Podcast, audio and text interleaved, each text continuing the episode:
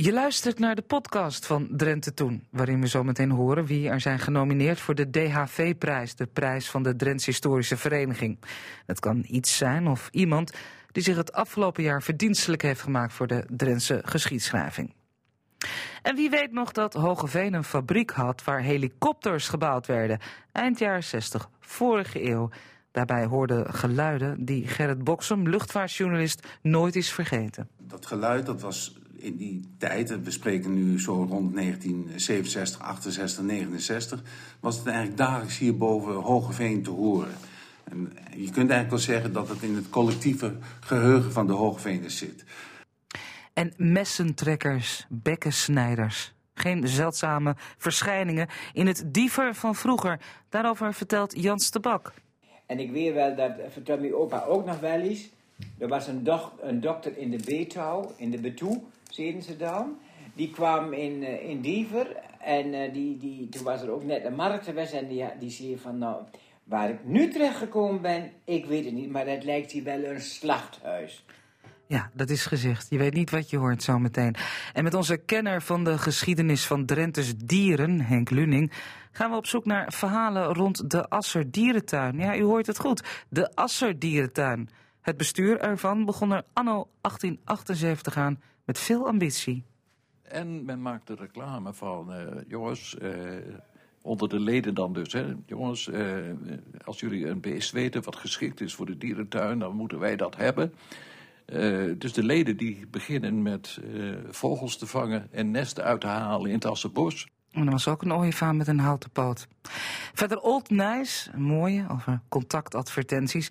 En twee prachtige archiefafleveringen waarin we onder meer Hydra horen... met misschien wel hun grootste hit in Nederland. En een jeugdherinnering van Wiebe Kruijer. We gaan even vooruitkijken naar zondag 17 maart. Dan wordt de DHV-prijs uitgereikt. Prijs van de Drents Historische Vereniging. Doen ze al jaren. Uh, aan iets of aan iemand die zich verdienstelijk heeft gemaakt voor de Drentse geschiedschrijving in het jaar 2018. Uh, als ik het goed heb, maar dat wordt wel gecorrigeerd zo door de gasten. En ik zei het al, het kan van alles zijn. Een boek, een project, iets met kinderen, iets met ouderen. Noem het maar op. Bij mij aan tafel juryvoorzitter Art van der Tuk en Anja Schuring, voorzitter van de Drentse Historische Vereniging. Welkom.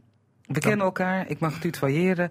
Ik begin maar even bij jou, Art. Uh, hoeveel inzendingen zijn er geweest? We hadden er veertien dit jaar. Veertien inzendingen en gevarieerd van boeken tot films tot projecten. Ja, en uh, dat klopt hè, wat ik zei. Het moet iets zijn uit het jaar 2018. Ja, dat is correct. En dat reiken wij uit in 2019. En dat is steeds de verwarring. Maar het gaat nu, wat hebben we gezien in 2018? Ja. Uh, het kan van alles zijn, dus ik zou zeggen, laat ons niet langer in spanning. En stel die drie genomineerden maar eens voor. En zal ik dat dan eerst gewoon eens even snel in tempo doen. En dat is beginnend met De Nacht van Birman van Egbert Brink. Dan Spitten voor de Vijand van Erik Dijkstra. En de derde nominatie tot slot is Darp van de werkgroep Trots op Darp. Ja. Voordat jij ze nader gaat toelichten, vraag ik even aan uh, de voorzitter van de Drentse Historische Vereniging, Anja Schuring, mm. of, uh, of je hier tevreden mee bent. Ik ben uh, hartstikke tevreden. ik, ik heb zelf niet mee dan met dit hele uh, proces natuurlijk. Maar ik heb wel begrepen van dat de kwaliteit in ieder geval heel erg hoog was dit jaar. Dus ze hebben er ook heel lang over gedaan om te kijken wat, wat ze precies moesten kiezen. En ik zeg het elk jaar weer, ik ben altijd maar weer blij dat ik niet in die jury zit.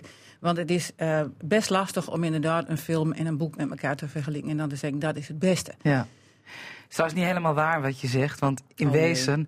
zitten we allemaal in de jury. Want dat is de jury voor de publieksprijs.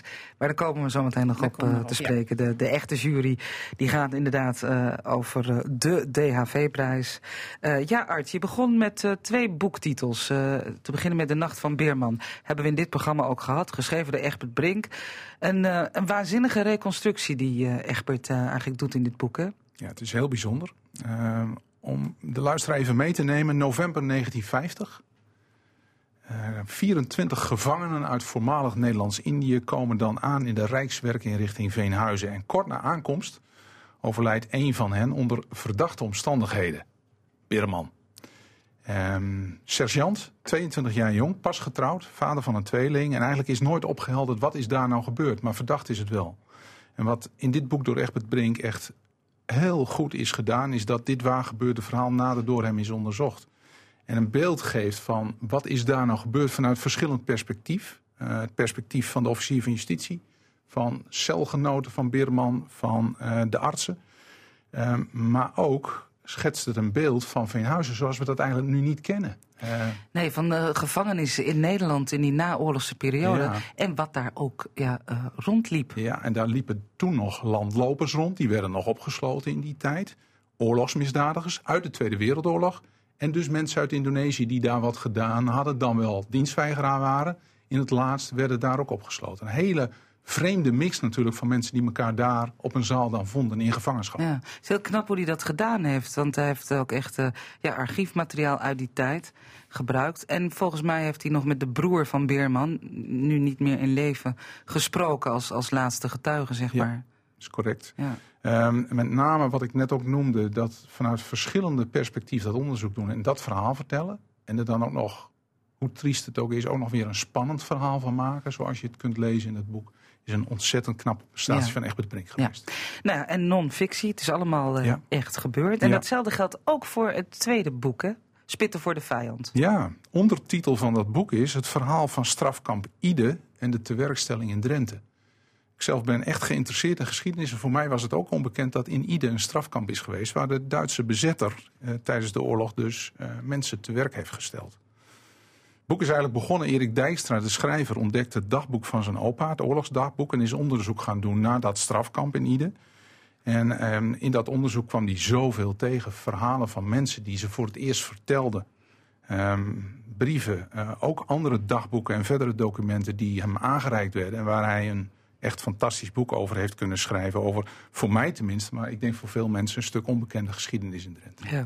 ja, en Erik Dijkstra is nog een jonge vent, Egbert ook. Is ook iets ouder dan Erik Dijkstra.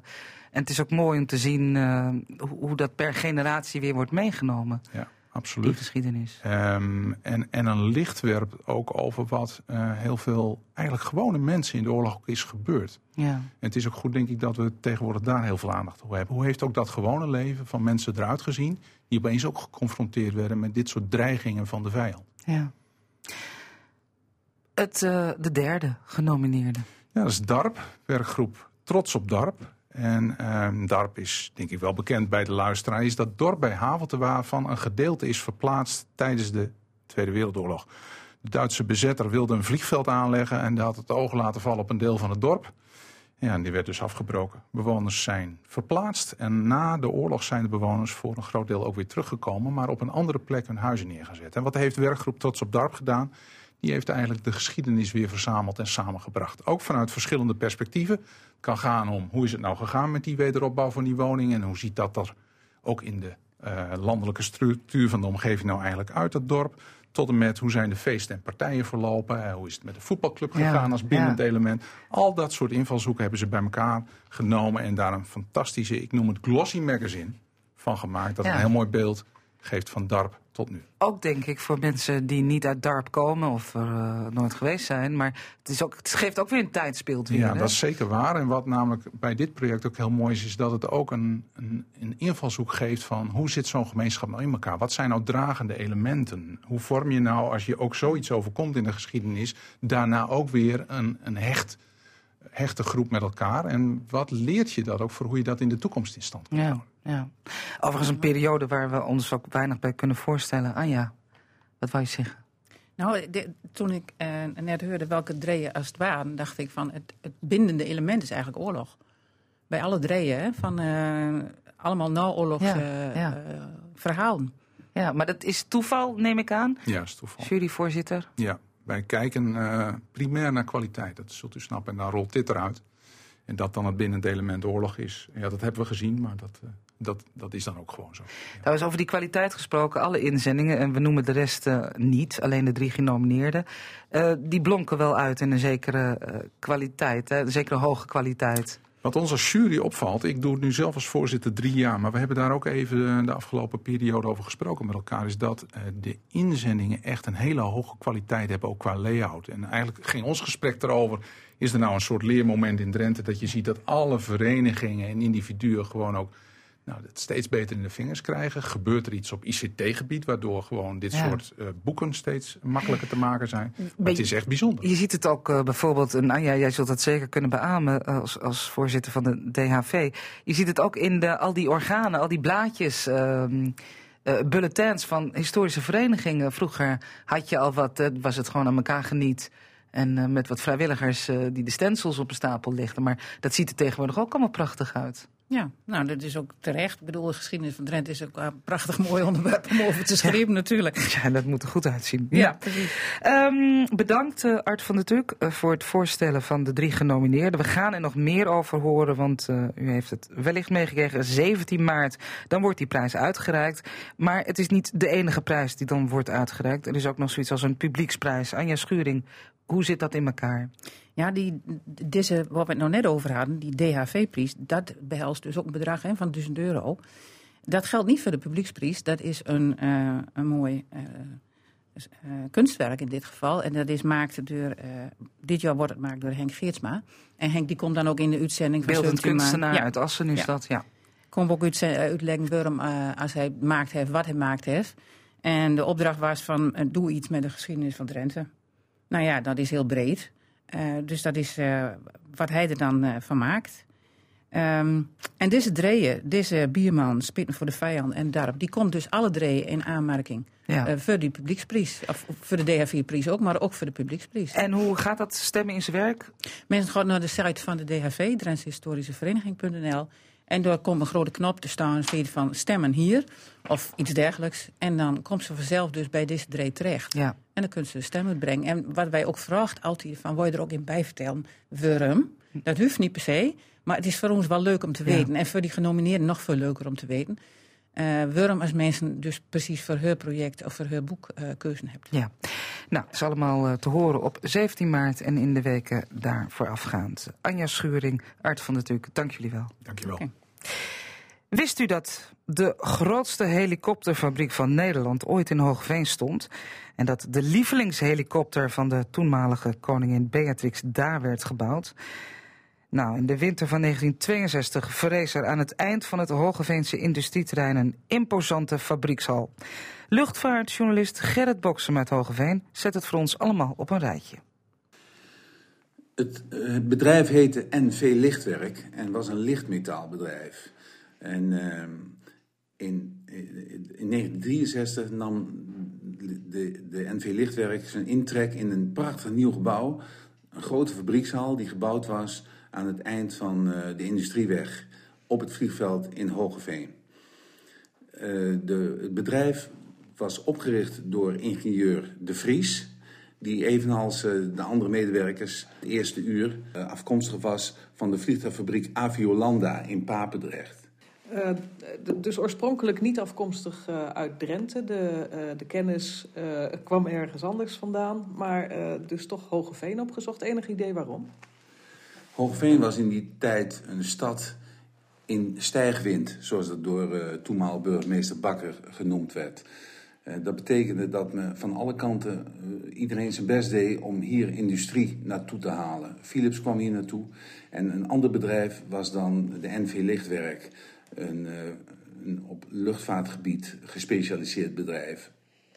Ja, dus dat was een eh, succesvolle actie van die, eh, van die burgemeester. Dat bedrijf dat kwam hierheen, maar het was een heel jong bedrijf. Er moest nog kennis worden opgedaan.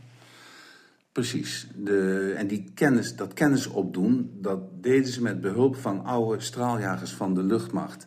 Die afgedankt waren en waarvan de nog bruikbare onderdelen gesloopt moesten worden. En die opdracht kreeg dan de NV Lichtwerk. De toestellen, die, die toestellen, die oude straaljagers, die werden per oplegger in Hogeveen eh, naar Hogeveen gebracht. En eh, door die werkzaamheden deden mensen van Lichtwerk, de werknemers, heel erg veel ervaring op. En leerden omgaan met eh, luchtvaartgerelateerde materialen. En die ervaring die kwam hun later nog goed van pas. Ja, want als je iets uit elkaar kan halen, dan kan je misschien later ook wel iets in, elkaar zetten. En misschien kan je zelfs ook wel zelf iets gaan bedenken. Ze zijn eh, helikopters gaan maken, hè? Ja, uiteindelijk wel. Dus, eh, ze kregen eerst nog wat andere opdrachten. eh, het reviseren van Piper Cup verkenningsvliegtuigjes. en te fabriceren van brandstoftanks voor de toenmalige luchtmacht, straaljagers. Maar uiteindelijk kwamen daar ook uh, de Alouette reddingshelikopters van de luchtmacht. Die kwamen dan regelmatig naar Hogeveen om daar uh, gereviseerd te worden en hun onderhoud te krijgen. En gemodificeerd te worden ook. Die helikopters die, kwamen hier regelmatig aan op het vliegveld. En ik was er zelf persoonlijk ook als jonge jongen erg geïnteresseerd in. Dus uh, heel, heel, vaak ben ik met de fiets naar het vliegveld gereden na schooltijd... om die helikopters te zien tijdens hun testvluchten. En wat waren dat voor apparaten? Hoe zagen ze eruit? Ja, dat waren... die, die, die, reddingshelikopters die waren voorzien van fel oranje vlakken. En heel, heel glasrijke cockpit hadden ze. Dus om het uitzicht van de bemanning goed te laten zijn tijdens de reddingsacties. Voor die tijd een heel futuristisch ding eigenlijk, hè? Ja, ja zeker. Die, alhoewel de Alouette 2 helikopter, uh, waar, uh, die in 1964 nog in gebruik waren, die werden in datzelfde jaar buiten gebruik gesteld en opgevolgd door de Alouette 3. En dat was in die tijd inderdaad een moderne helikopter. Hoe kwam Hogeveen dan uiteindelijk aan het vervaardigen van die helikopters? Dat kwam omdat de, de Franse vliegtuigfabriek, de eigenlijke uh, producent van de Alouette helikopters, die heeft een e eerste serie helikopters gemaakt voor de Nederlandse luchtmacht. En toen er nog een tweede serie besteld ging worden door de Nederlandse luchtmacht, heeft de directie van NV Lichtwerk die heeft uh, zichzelf aangeboden om die uh, helikopters in licentie te gaan maken. Een tweede serie van 27 stuks. En eigenlijk was iedereen compleet verrast toen ze hoorden dat die Franse uh, vliegtuigfabriek dat ook toestond. Oh, dat was een waagstukje, hè? dat moet je ook maar durven. Precies, want ze hadden een goede naam. En als die helikopters hier niet goed in elkaar gezet zouden worden, dan zou dat natuurlijk een uh, slechte reputatie bezorgen. Ja, die, uh, het was eigenlijk de eerste keer in mijn leven dat ik helikopters van zo dichtbij zag starten en landen op een, op een plateau op een, vlak voor de fabriek. En dat was op zich al, vond ik dat heel bijzonder met, een, met, het, met het heel aparte geluid van, van die straalmotor van die helikopter erbij. En ik, ik ben er zelf ook wel eens bij, aan die mensen gevraagd van mag ik een foto maken. Maar dat was in die tijd van de Koude Oorlog was dat niet, niet de bedoeling. Nee. Nee, nou, dat was natuurlijk militair geheim. was militair geheim. En vanuit, ze vonden het al erg genoeg dat, dat ik van achter het hek een foto ging maken. En uh, dat was zeker niet de bedoeling dat ik dichterbij kwam om daar detailfoto's van te gaan maken. Is het allemaal altijd goed gegaan met die uh, alouettes die hier in uh, Hogeveen gemaakt zijn? Dat is altijd goed gegaan, ja. Die 27 stuks, is, uh, die werden dan hier vervaardigd. De onderdelen die kwamen wel uit de Franse fabriek, maar hier werden ze in Hogeveen werden ze in elkaar gezet en testgevlogen. Uh, die, die, helikopters, die waren, dat geluid, dat was in die tijd, we spreken nu zo rond 1967, 68, 69, was het eigenlijk dagelijks hier boven Hogeveen te horen. Je kunt eigenlijk wel zeggen dat het in het collectieve geheugen van de Hoogveeners zit.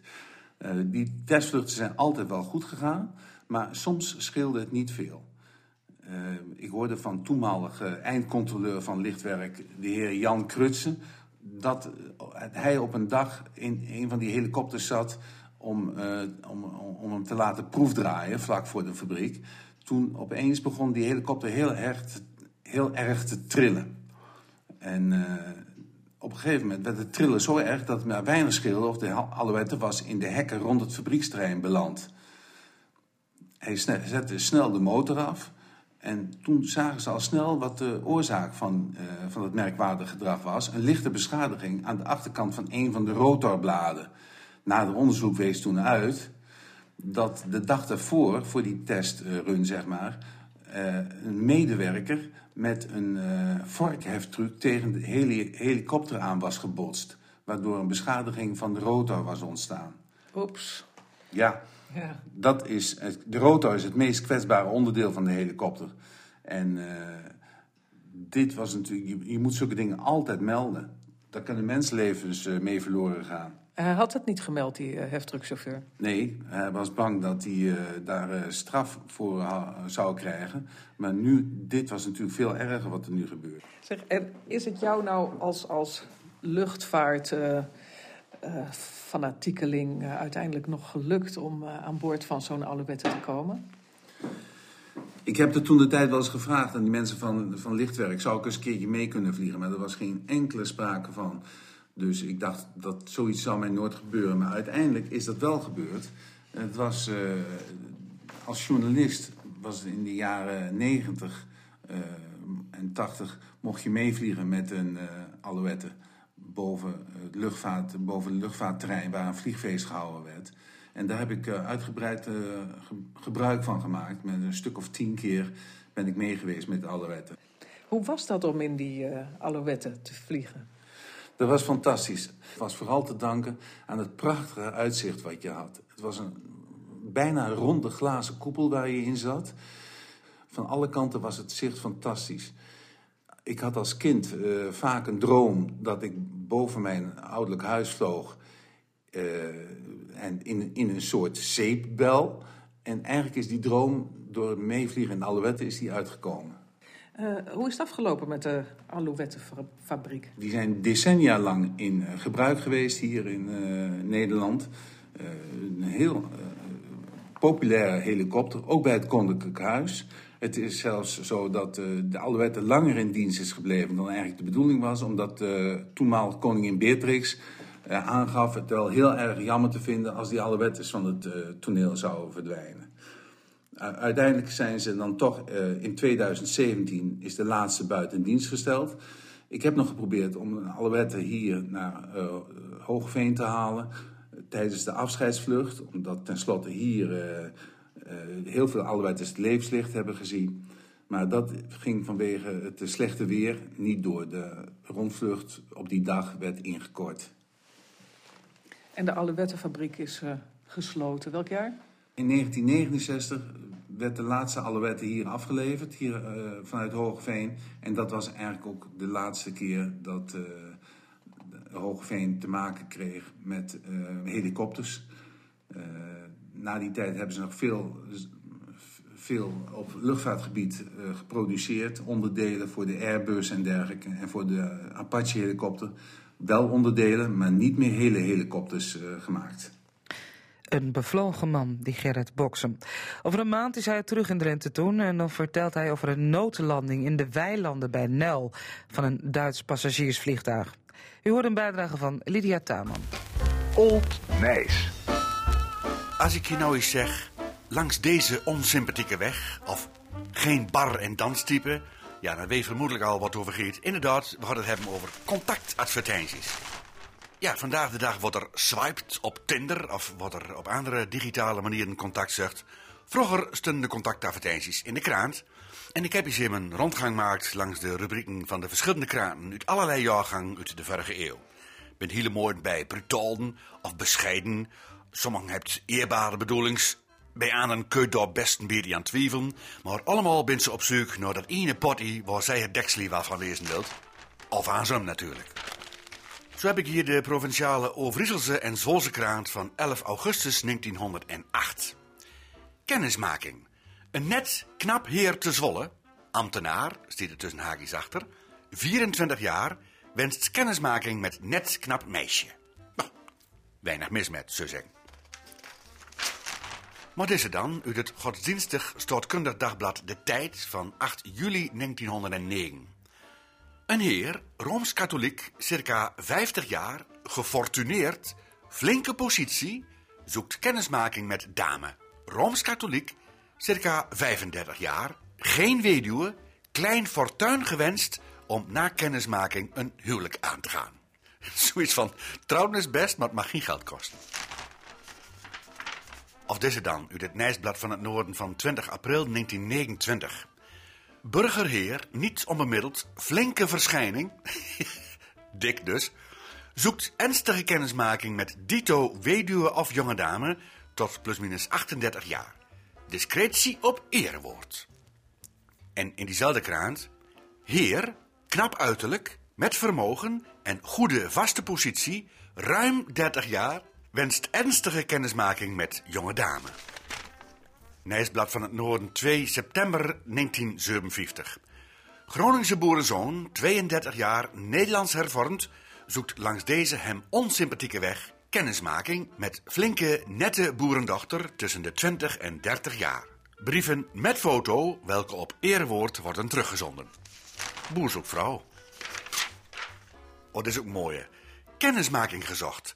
Wil de jonge dame, afgebeeld in de advertentie voor Astra Cold Cream toiletzeep, gisteren geplaatst in dit blad, schrijven aan postbus, et cetera, et cetera. Ja, dames in advertenties zijn vaak wel de mooiste. Sommige advertenties lijkt vooral financieel bedoeld, zoals deze, nette arbeider, weduwnaar, Nederlands hervormd, 65 jaar, eigen huis en klein pensioen in Noord-Drenthe, zoekt een dito-vrouw om voor gezamenlijke rekening samen te wonen. Of deze, kennismaking gezocht. Herenkapper, 23 jaar, zoekt kennismaking met dameskapster. ja, kun gezamenlijk een bedrijfje beginnen. In de Leeuwardenkrant van 26 februari 1970 vind ik deze advertentie. Meisje, flink postuur, klein gebrek, zoekt dito jongen voor serieuze kennismaking. Leeftijd tot 24 jaar. En wat dacht van deze? Nette jongeman zoekt jonge vrouw, 36 tot 40 jaar, gescheiden. Kinderen geen bezwaar. Goede haan. Ja, echt, het stiet er. Goede haan. En de laatste stiet ook in de Leeuwardenkrant van 17 augustus 1991. Jongeman, 37, homo, zoekt kennismaking met aardige politieman voor oprechte vriendschap. Politieman. Ik laat aan je eigen fantasie over waarom dat een politieman moest wezen. Nou, volgens mij had haalde het eh, grote schrik met die contactadvertenties. Dat was Old Nice. Radio Drenthe presenteert opnamen uit het archief. Ja, misschien staat het wel een nieuwe agenda. Carnaval, binnenkort is het weer zover. Nou, voor de een het hoogtepunt van het jaar. Voor de ander, eh, ja, eh, eh, niet, zeg maar. Ik, ik, ik neem even een tekst met u door. Een flinke boerenzoon zag op een dag in mei een lief en aardig meisje dwalend in de wei. Ze plukte daar magrietjes die bloeiden op het land, maar plotseling kwam er toen een bij en prikte in haar hand. Nou, het is geen hogere dichtkunst, maar het was wel een enorme hit. In 1976 voor Hydra kwam uit Drenthe. We gaan luisteren naar een gesprek van Geesje Been van het Drents programma van de Rono met Frans Drijfhout. De groep Hydra heeft goed gegokt met hun carnavalsliedje Als het gras twee kontjes hoog is. Frans Drijfhout, ben je tevreden? Ja, ik ben tevreden. Op de top 40 staan we nu op eh 5 en de top 30 staan we op 6. Waarom eigenlijk een top 40 en een top 30? Oh, dat is een moeilijke vraag. dat is altijd al zo geweest. Want vroeger bij Veronica hadden ze een top 40. En die hebben de Tros nu overgenomen. En top 30, dat is de tegenpool daarvan. De concurrentie eigenlijk, min of meer. Goed, jullie staan dus 5 en 6, laten we het maar zo even zeggen. Wat eh, verwacht je er verder nog van? Nou, ik verwacht nog wel een flinke stijging. Omdat het zo hard gegaan is allemaal. Tipperate hebben we overgeslagen. 28 binnengekomen. 15 doorgestegen. Nou in één keer op 6. Dus eh, nou, dat moet verder stijgen. Gewoon, kan niet anders. En wat betekent dat voor jullie verder? Optredens en zo? Dat betekent waarschijnlijk wel veel meer werk. Maar dat weet Ben Lukke, onze manager, die weet daar alles van. Zullen we die even vragen, Ben. Ja, Gees, inderdaad. Dat betekent natuurlijk voor Hydra in de toekomst dus nog meer werken wat uh, tot op heden geweest is. En als we dus kijken dus, uh, wat dus verleden jaar Marietje opgebracht heeft qua werk, dan verwachten we dus nou nog wel een enorme to toename. We gaan dus het gebied, gebied dus erg veel uitbreiden. We gaan uit het zuiden van het land met carnaval. We zitten nog weer in België. En als straks dus de televisieprogramma's achter de rug zijn waar we dus nog in zitten, dan verwacht ik wel dat de telefoon weer roodgloeiend gaat staan. Je zegt de televisieprogramma's waar we nog in zitten. Wat uh, voor optredens zijn dat nog? Dat is uh, eerste plaats dus Avro Top Op. En dan uh, aanstaande maandagavond Tros Losse Groeven, waar we op drie staan. En we zitten dus in het Tros Carnavalsprogramma 76, wat opgenomen wordt in het Turfschip te Breda. Op 11 en 12 februari met alle diverse grote carnavalsartiesten van, op het, van het moment. Frans, jullie hebben een LP gemaakt inmiddels. Ja, we hebben een LP gemaakt en hebben er lang op gewacht. Eindelijk maar toch. Eh, die heet Hela Gij Hydra. En daar staan dus alle bekende stukken van ons op. Onder andere Marietje, eh Hela Gij Bloemke, Mijn Zwager. En onder andere natuurlijk Als gras twee kontjes hoog is.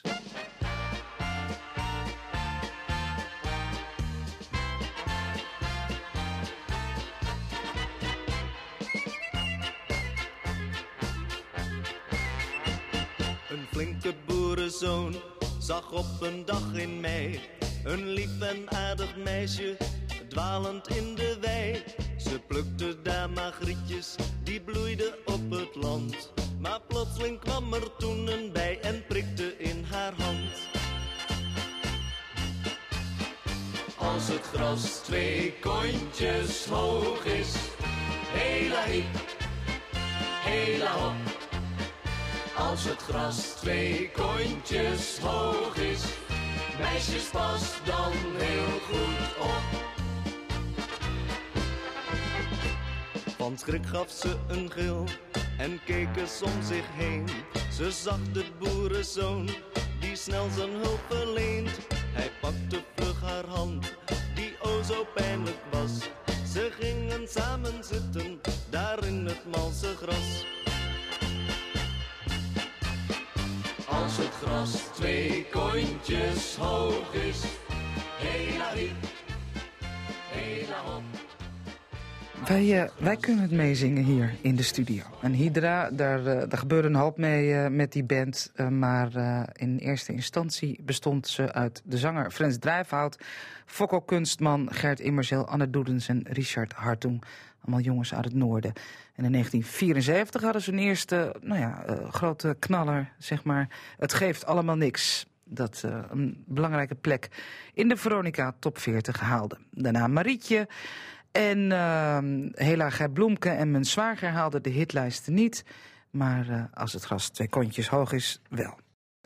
Het Keramisch Museum Goedewagen in Nieuwbuinen is overdonderd, kun je wel zeggen, door een groot aantal schenkingen. Dat gebeurde allemaal zo ongeveer eind vorig jaar. Het museum kreeg maar liefst vijf bijzondere collecties en een aanzienlijk geldbedrag.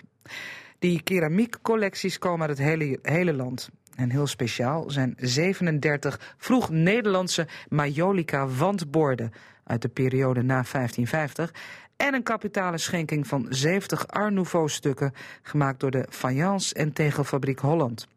U hoort de conservator van het museum, Frigo Visser. Vanaf oktober hebben we vijf grote collecties in feite gekregen. En daar viel u een beetje van ons te boven? Ja, want toen ik de bedragen zag voor het totaal en me ging realiseren wat dat aan verzekeringssom was, toen ben ik wel aan het rekenen gegaan of dat onder de polis nog kon. Want hoeveel? Nou, het, het, bedrag in handelswaarde is eh, rond de 150.000 euro. En voor een totaal ongesubsidieerd museum is dat heel bijzonder. Laten we even met zeven mijlslaarzen door een paar van die nieuwe collecties heen gaan. Ik zie hier allemaal Art Nouveau. Dit is van één fabriek. Dit is van één fabriek, de Holland Utrecht, 1895.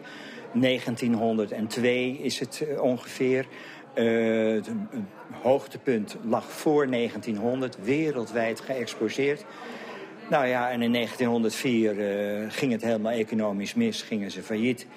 En uh, heel veel jonge keramiekkunstenaars uit heel Nederland werden aangetrokken om daar te werken. En er was een bedrijfsleider, die kwam zelfs uit Duitsland vandaan, had ook in Frankrijk ervaring opgedaan. En die is in, in Utrecht jaren en jaren blijven werken. Failliet ging fabriek, keramiek verspreidde zich. En dit is het werk van een grote verzamelaar die zegt... Ja. nu moet het naar dit museum. Waarom? Ja, dat is uh, complex. Uh, je hebt een verzameling opgebouwd. Je vindt het fantastisch mooi. Wat doe je dan? Ga je het verkopen? Uh, je kinderen willen het niet. Nou, dan ga je een museum zoeken. De grotere musea die in aanmerking kwamen, Utrecht en Leeuwarden...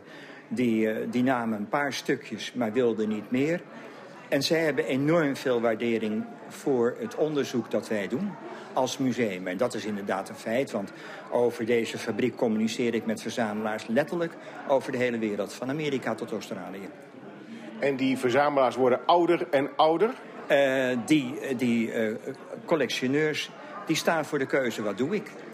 En eh, het schenken aan dit museum heeft als enorme voor de, voordeel dat wij eh, het ook echt exposeren.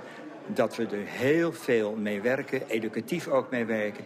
En dat het eh, niet vast in een depot belandt en daar nooit meer uitkomt. En ze kunnen het op een goede manier te zaakje schenken, eh, want u bent een goed doel.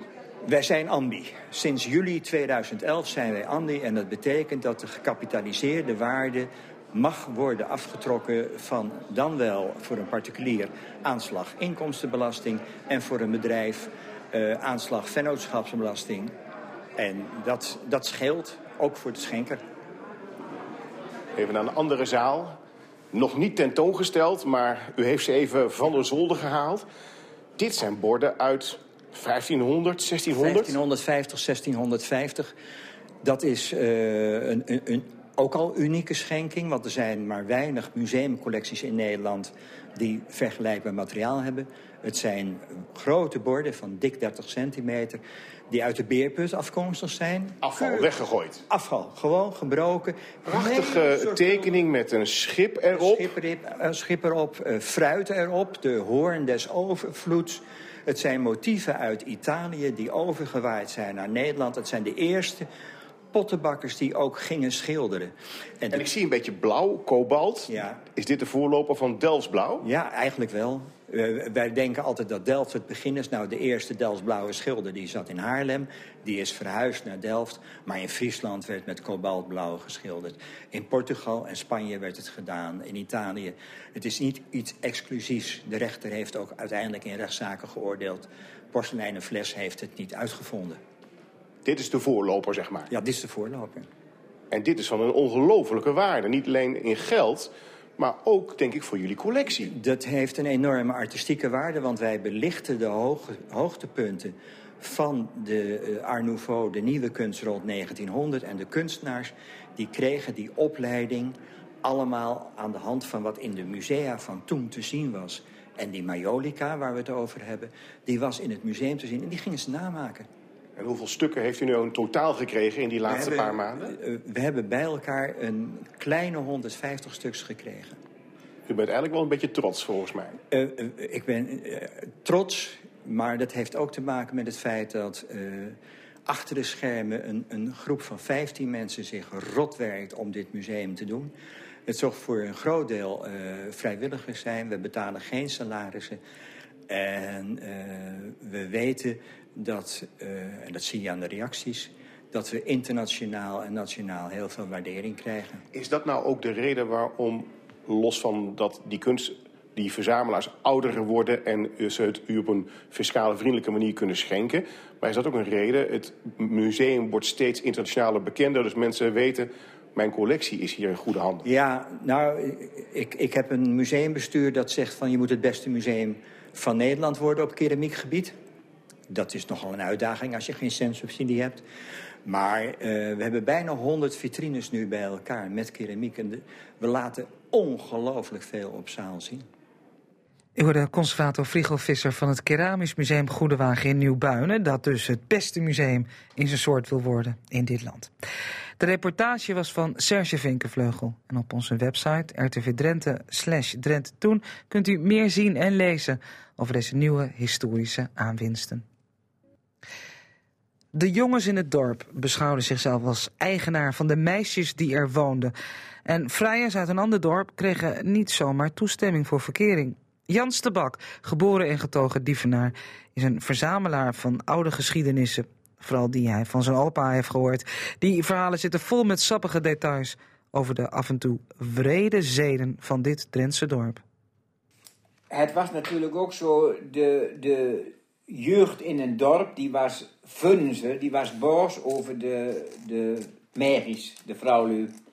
En als er dan een buitenstaander kwam om tevreden met merrie uit het dorp, dat vonden ze wel goed. Maar dan was het de bedoeling dat de desbetreffende persoon uh. Het zij geld of hij gaf zoveel liter jenever. En als hij dat maar deed, dan was er niks aan de hand, want dan hij vrij toegang tot het dorp, dan behuurde het toen. Maar die had ook wel enkele die dachten van, ja, gekke Henkie, ik doe het niet. En dan hij, dat, dat, dat kun je gewoon niet. Je moest dat gewoon uh, doen. Je moest gewoon zeggen van, nou, ik geef ze de ma ik geef twee liter jenever of ik geef vijf gul dat ze jenever kunnen kopen. En dan was het klaar.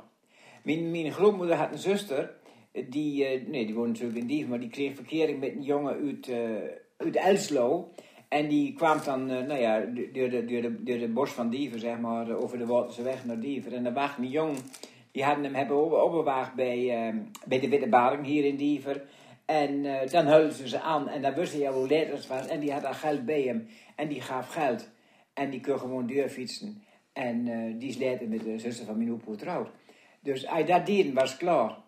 En, en natuurlijk, wat, wat wij natuurlijk ook hadden van...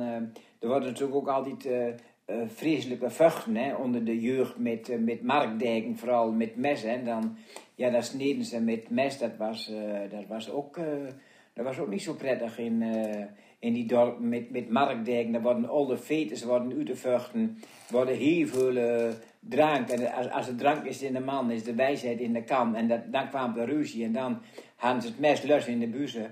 En dan worden er, dan worden er stukken en de sneden. En ik weet wel dat, vertelt mijn opa ook nog wel eens. Er was een, doch, een dokter in de Beetouw, in de Betoe, zeiden ze dan. Die kwam in, uh, in Diever en uh, die, die, toen was er ook net een markt en die, die zei van nou, waar ik nu terecht gekomen ben, ik weet het niet, maar het lijkt hier wel een slachthuis. Dan kwam al die, als ze dan een, snee over, over, over, over, de gezichten, over, over de gezichten, over de bek zeiden ze vroeger. Dan, ja, dan moesten ze, wel, naar de dokter natuurlijk. Dus die dokter die wist niet wat hem aangunk met die vechtpartijen, hoe dat ging. Maar dat gebeurde ook. Ja, die zat een hele dag te hechten dan. Die zat te hechten en, en ja, goed, uh, men, men sneed. Ja, ze had best altijd lus in de buzen. Zo, zo zie je, men heeft best lus in de buzen. Dat hoorde hier bij de do dorpscultuur, zeg maar. Dat was, dat was overal zo. Als, als er, uh, uh, alle jongen hadden een mes in de buzen. De kloeze. Een kloeze, zeiden ze. Dat was een smid in Runen, die meuk, die meuk messen. Een kloeze.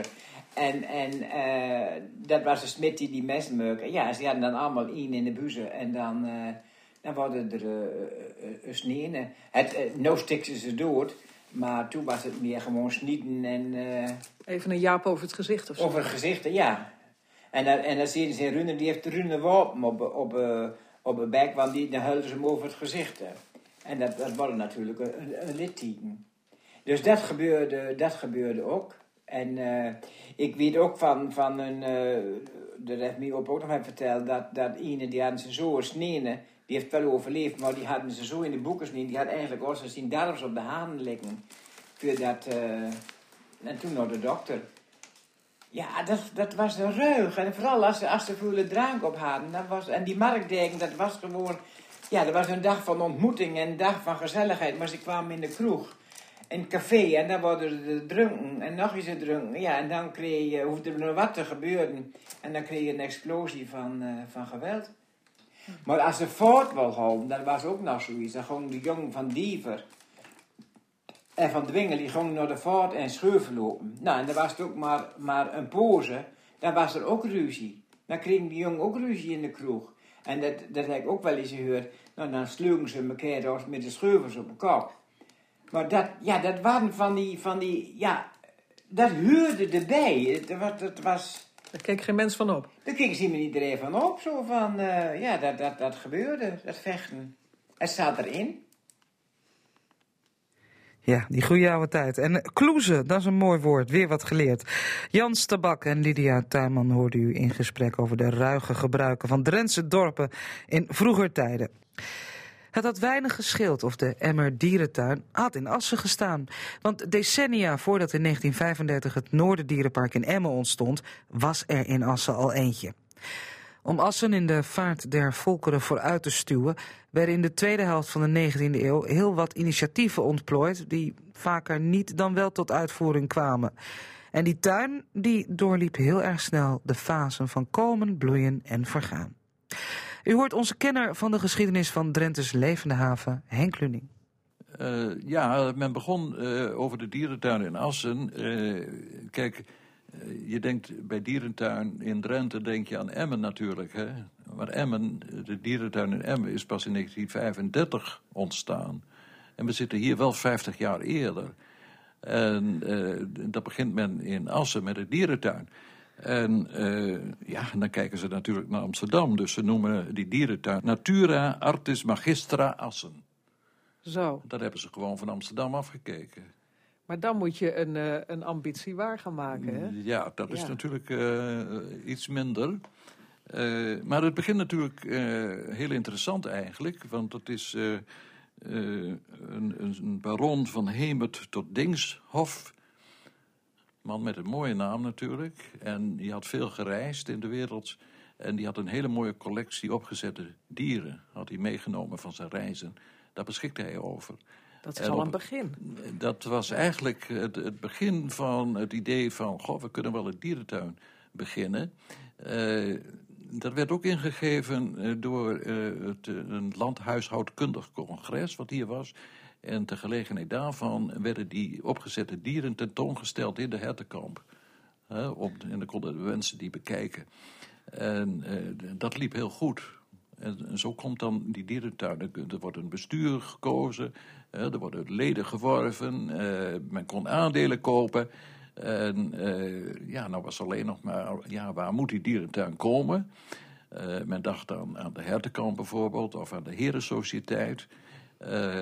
Maar de herensociëteit die geeft daar geen, geen azem op. En uiteindelijk komen ze dus voor de dierentuin terecht, achter in het bos. Uh, dat heet uh, Tivoli. Uh, dat was een uitspanning. En nog weer later, of de laatste jaren, is daar het openluchttheater geweest in Assen. Maar ze begonnen daar met, maar, hun, met hun hokken te bouwen. Daar begonnen ze met hokken te bouwen. En men was ook op pad het bestuur, het voorlopige bestuur, ging op pad naar andere dierentuinen om te kijken hoe het daar was. Hè, de kunst af te kijken. Ze kregen ook soms een beest mee. Van Artus kregen ze een mooie papegaai mee, bijvoorbeeld, om mee te beginnen. En, uh, en men maakte reclame van, jongens, onder de leden dan dus. Hè, jongens, als jullie een beest weten wat geschikt is voor de dierentuin, dan moeten wij dat hebben. Dus de leden die beginnen met vogels te vangen en nesten uit te halen in het Assenbos. Dat kan toch niet de bedoeling ja, zijn geweest? Dat kan ook niet de bedoeling zijn geweest, dat mocht ook niet. was ook wettelijk verboden natuurlijk. En meneer Boom van de Assenkrant, die ook in het bestuur zat, die zette dus meteen in de krant van... ja jongens, we moeten wel beesten hebben, maar je mag ze dus niet in het bos vangen. Je mag geen vogeltjes vangen met lijmstokjes en wat dan ook. Maar er was één uitwijkmogelijkheid. Je mocht wel vogeltjes vangen op je eigen terrein. Oh, dus dat, dan dat in de tuin dus voorstrooien ja. en zien dat je ze maar daar het, het resultaat was dat er dus een grote konijnenberg was. En nou ja, die konijnen die fokken om het leven, dus er waren... Daar hoef je niet achteraan. Nee. Daar hoef je niet achteraan. Er waren vreselijk veel konijnen. En er waren ook vreselijk veel zebravinkjes. Daar stroomde de zaak van over. Uh, verder was er niet zoveel te zien. Behalve dan dus uh, Roesting, die schreef dat in zijn jeugdherinneringen. Die is daar dus toen geweest en die zag daar dus een aap, een beer, een wolf, een vos, wat konijnen, marmotten en die bewuste ooievaar, wat we al een keer gehad hebben, de ooievaar met een houten poot. En dat was het dan ongeveer. En zo nu en dan kwam er ook een circus langs en die liet dan zijn leeuwen daar zien. En, dan was het eigenlijk een echte dierentuin. Hè? Dan waren er echte roofdieren. Ja, ook niet al te zeer gehinderd door uh, allerlei wet en regelgeving. Goed, Henk Luning hoorde u. Radio Drenthe presenteert opnamen uit het archief. Ja, wij gaan, nog, uh, wij gaan nog even iets laten horen uit het, uh, het rijke radioarchief van de Rono. De voorloper van uh, RTV Drenthe en Radio Drenthe. We vonden een mooi onderwerp uit 1967. Verslaggever Geesje Been ging naar Emmen om daar te praten met een vrouwelijke dierenarts. Laat de volgende patiënt maar binnenkomen. Maar, Goedemiddag. Ik kom even met de poes, want ik geloof dat er iets met de rug heeft. Ik weet niet, maar ik denk dat het vocht is. Want als ik eroverheen strik, dan miauwt het steeds zo. Oh, laten we eens even kijken. Dat was dan de laatste patiënt die in de wachtkamer zat. En je hebt mij beloofd dat er dan wel even tijd was voor een gesprekje. Waren er ook chirurgische patiënten vandaag? Want ik hoor in de wachtkamer dat u ook vaak aan het opereren bent. Eh, ja, een heleboel operaties doe ik wel zelf. Dat, eh, eh, daar hebben we hier gelukkig de gelegenheid voor. Gebeurt het opereren onder narcose, net als bij de mensen? Ja, natuurlijk. Eh, ten eerste zou dierenmishandeling zijn als je het niet deed. En ten tweede eh, kan je ook niet opereren zonder narcose, want dan zou zo'n beest veel te, zich veel te veel verzetten. Dus dat eh, kan ook helemaal niet. Hoe doet u dat dan? Meestal geven we eerst een kalmerend middel. En eh, dan later krijgen ze een gasvormig eh, narcoticum of een gasvormig eh, middel toegediend. Dan krijgen ze een kapje op de kop, net als eh, bij de mens wel gebeurt. En dan komen ze echt helemaal diep in narcose, zodat je alle, eh, alle ingrepen kunt doen zonder dat ze er iets van voelen. De vreemdste voorwerpen liet de dierenarts mij zien die ze door een operatie uit het lichaam haalt haar. Ja, kijk, hier hebt u een, eh, een botje.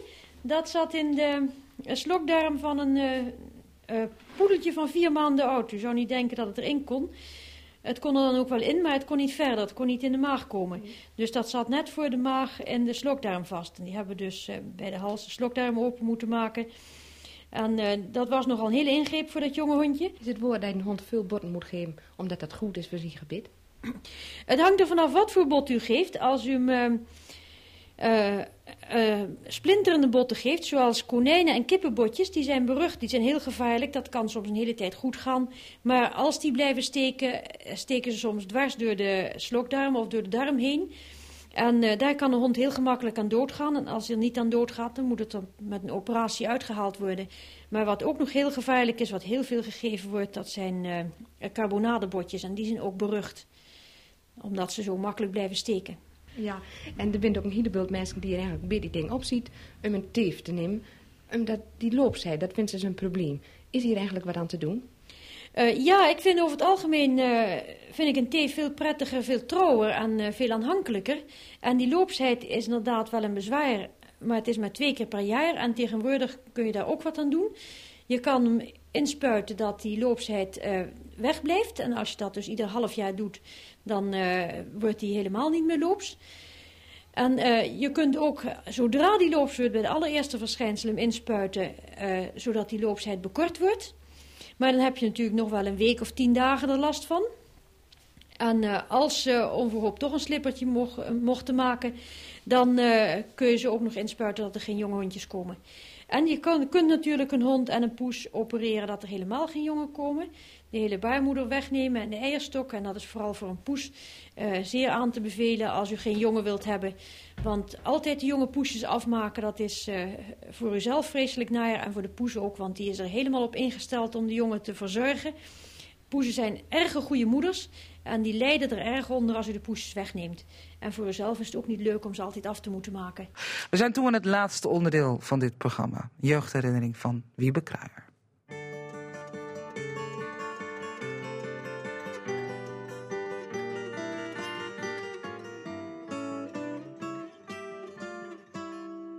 Op een keer dacht ik dat mijn vader in het Oosterland was. En Henkie en ik besloten om daar ook heen te gaan. We liepen over de dijk langs het Noord-Willemskanaal naar ons land. Maar ik wist niet precies waar ons land was. Mijn vader die was helemaal niet in het Oosterland en we zagen daar dan ook niemand. Dus liepen we maar steeds verder door. Voor kinderen van 4, 5 jaar is zo'n polder dan nog tamelijk groot en wijds. We waren al dicht bij de Witte Molen en zagen aan de andere kant van het kanaal al dat water van Sassenheim en daar werden wij niet gerust op. Ik zei op den duur, ik word bang Henkie. Ja, zei hij, ik ook. We besloten toen om terug te gaan, maar waren of de weg kwijt of we wilden zo snel mogelijk bij het water weg en zo belanden we uiteindelijk ergens in de buurt bij het Friese Veen. Onderweg hadden we nog een sloot met kikkerdril gevonden en hiervan, om welke reden weet ik niet, een deel van op de wal gegooid. Van het Friese Veen gingen we in de richting van het cafeetje aan de Meerweg en daar konden we over een laan weer naar de Loksbrug. Voor we daar echter waren, werden we al door mijn broer Willem ingehaald. Thuis hadden ze ons gemist en ze maakten zich ernstig zorgen. Er werd besloten met man en macht te gaan zoeken en zo trok Willem naar het Oosterland. Toen hij het kikkerdrill op de wal zag, wist hij meteen dat hij op het goede spoor zat. En dat bleek dus ook het geval. We zullen thuis best op de kop hebben gekregen, maar daar weet ik me niets meer van te herinneren.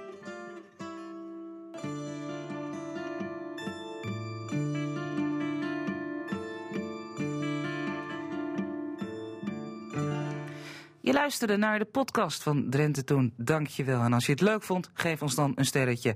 Luister ook eens naar onze andere podcasts van Radio Westerbork bijvoorbeeld of Cassata.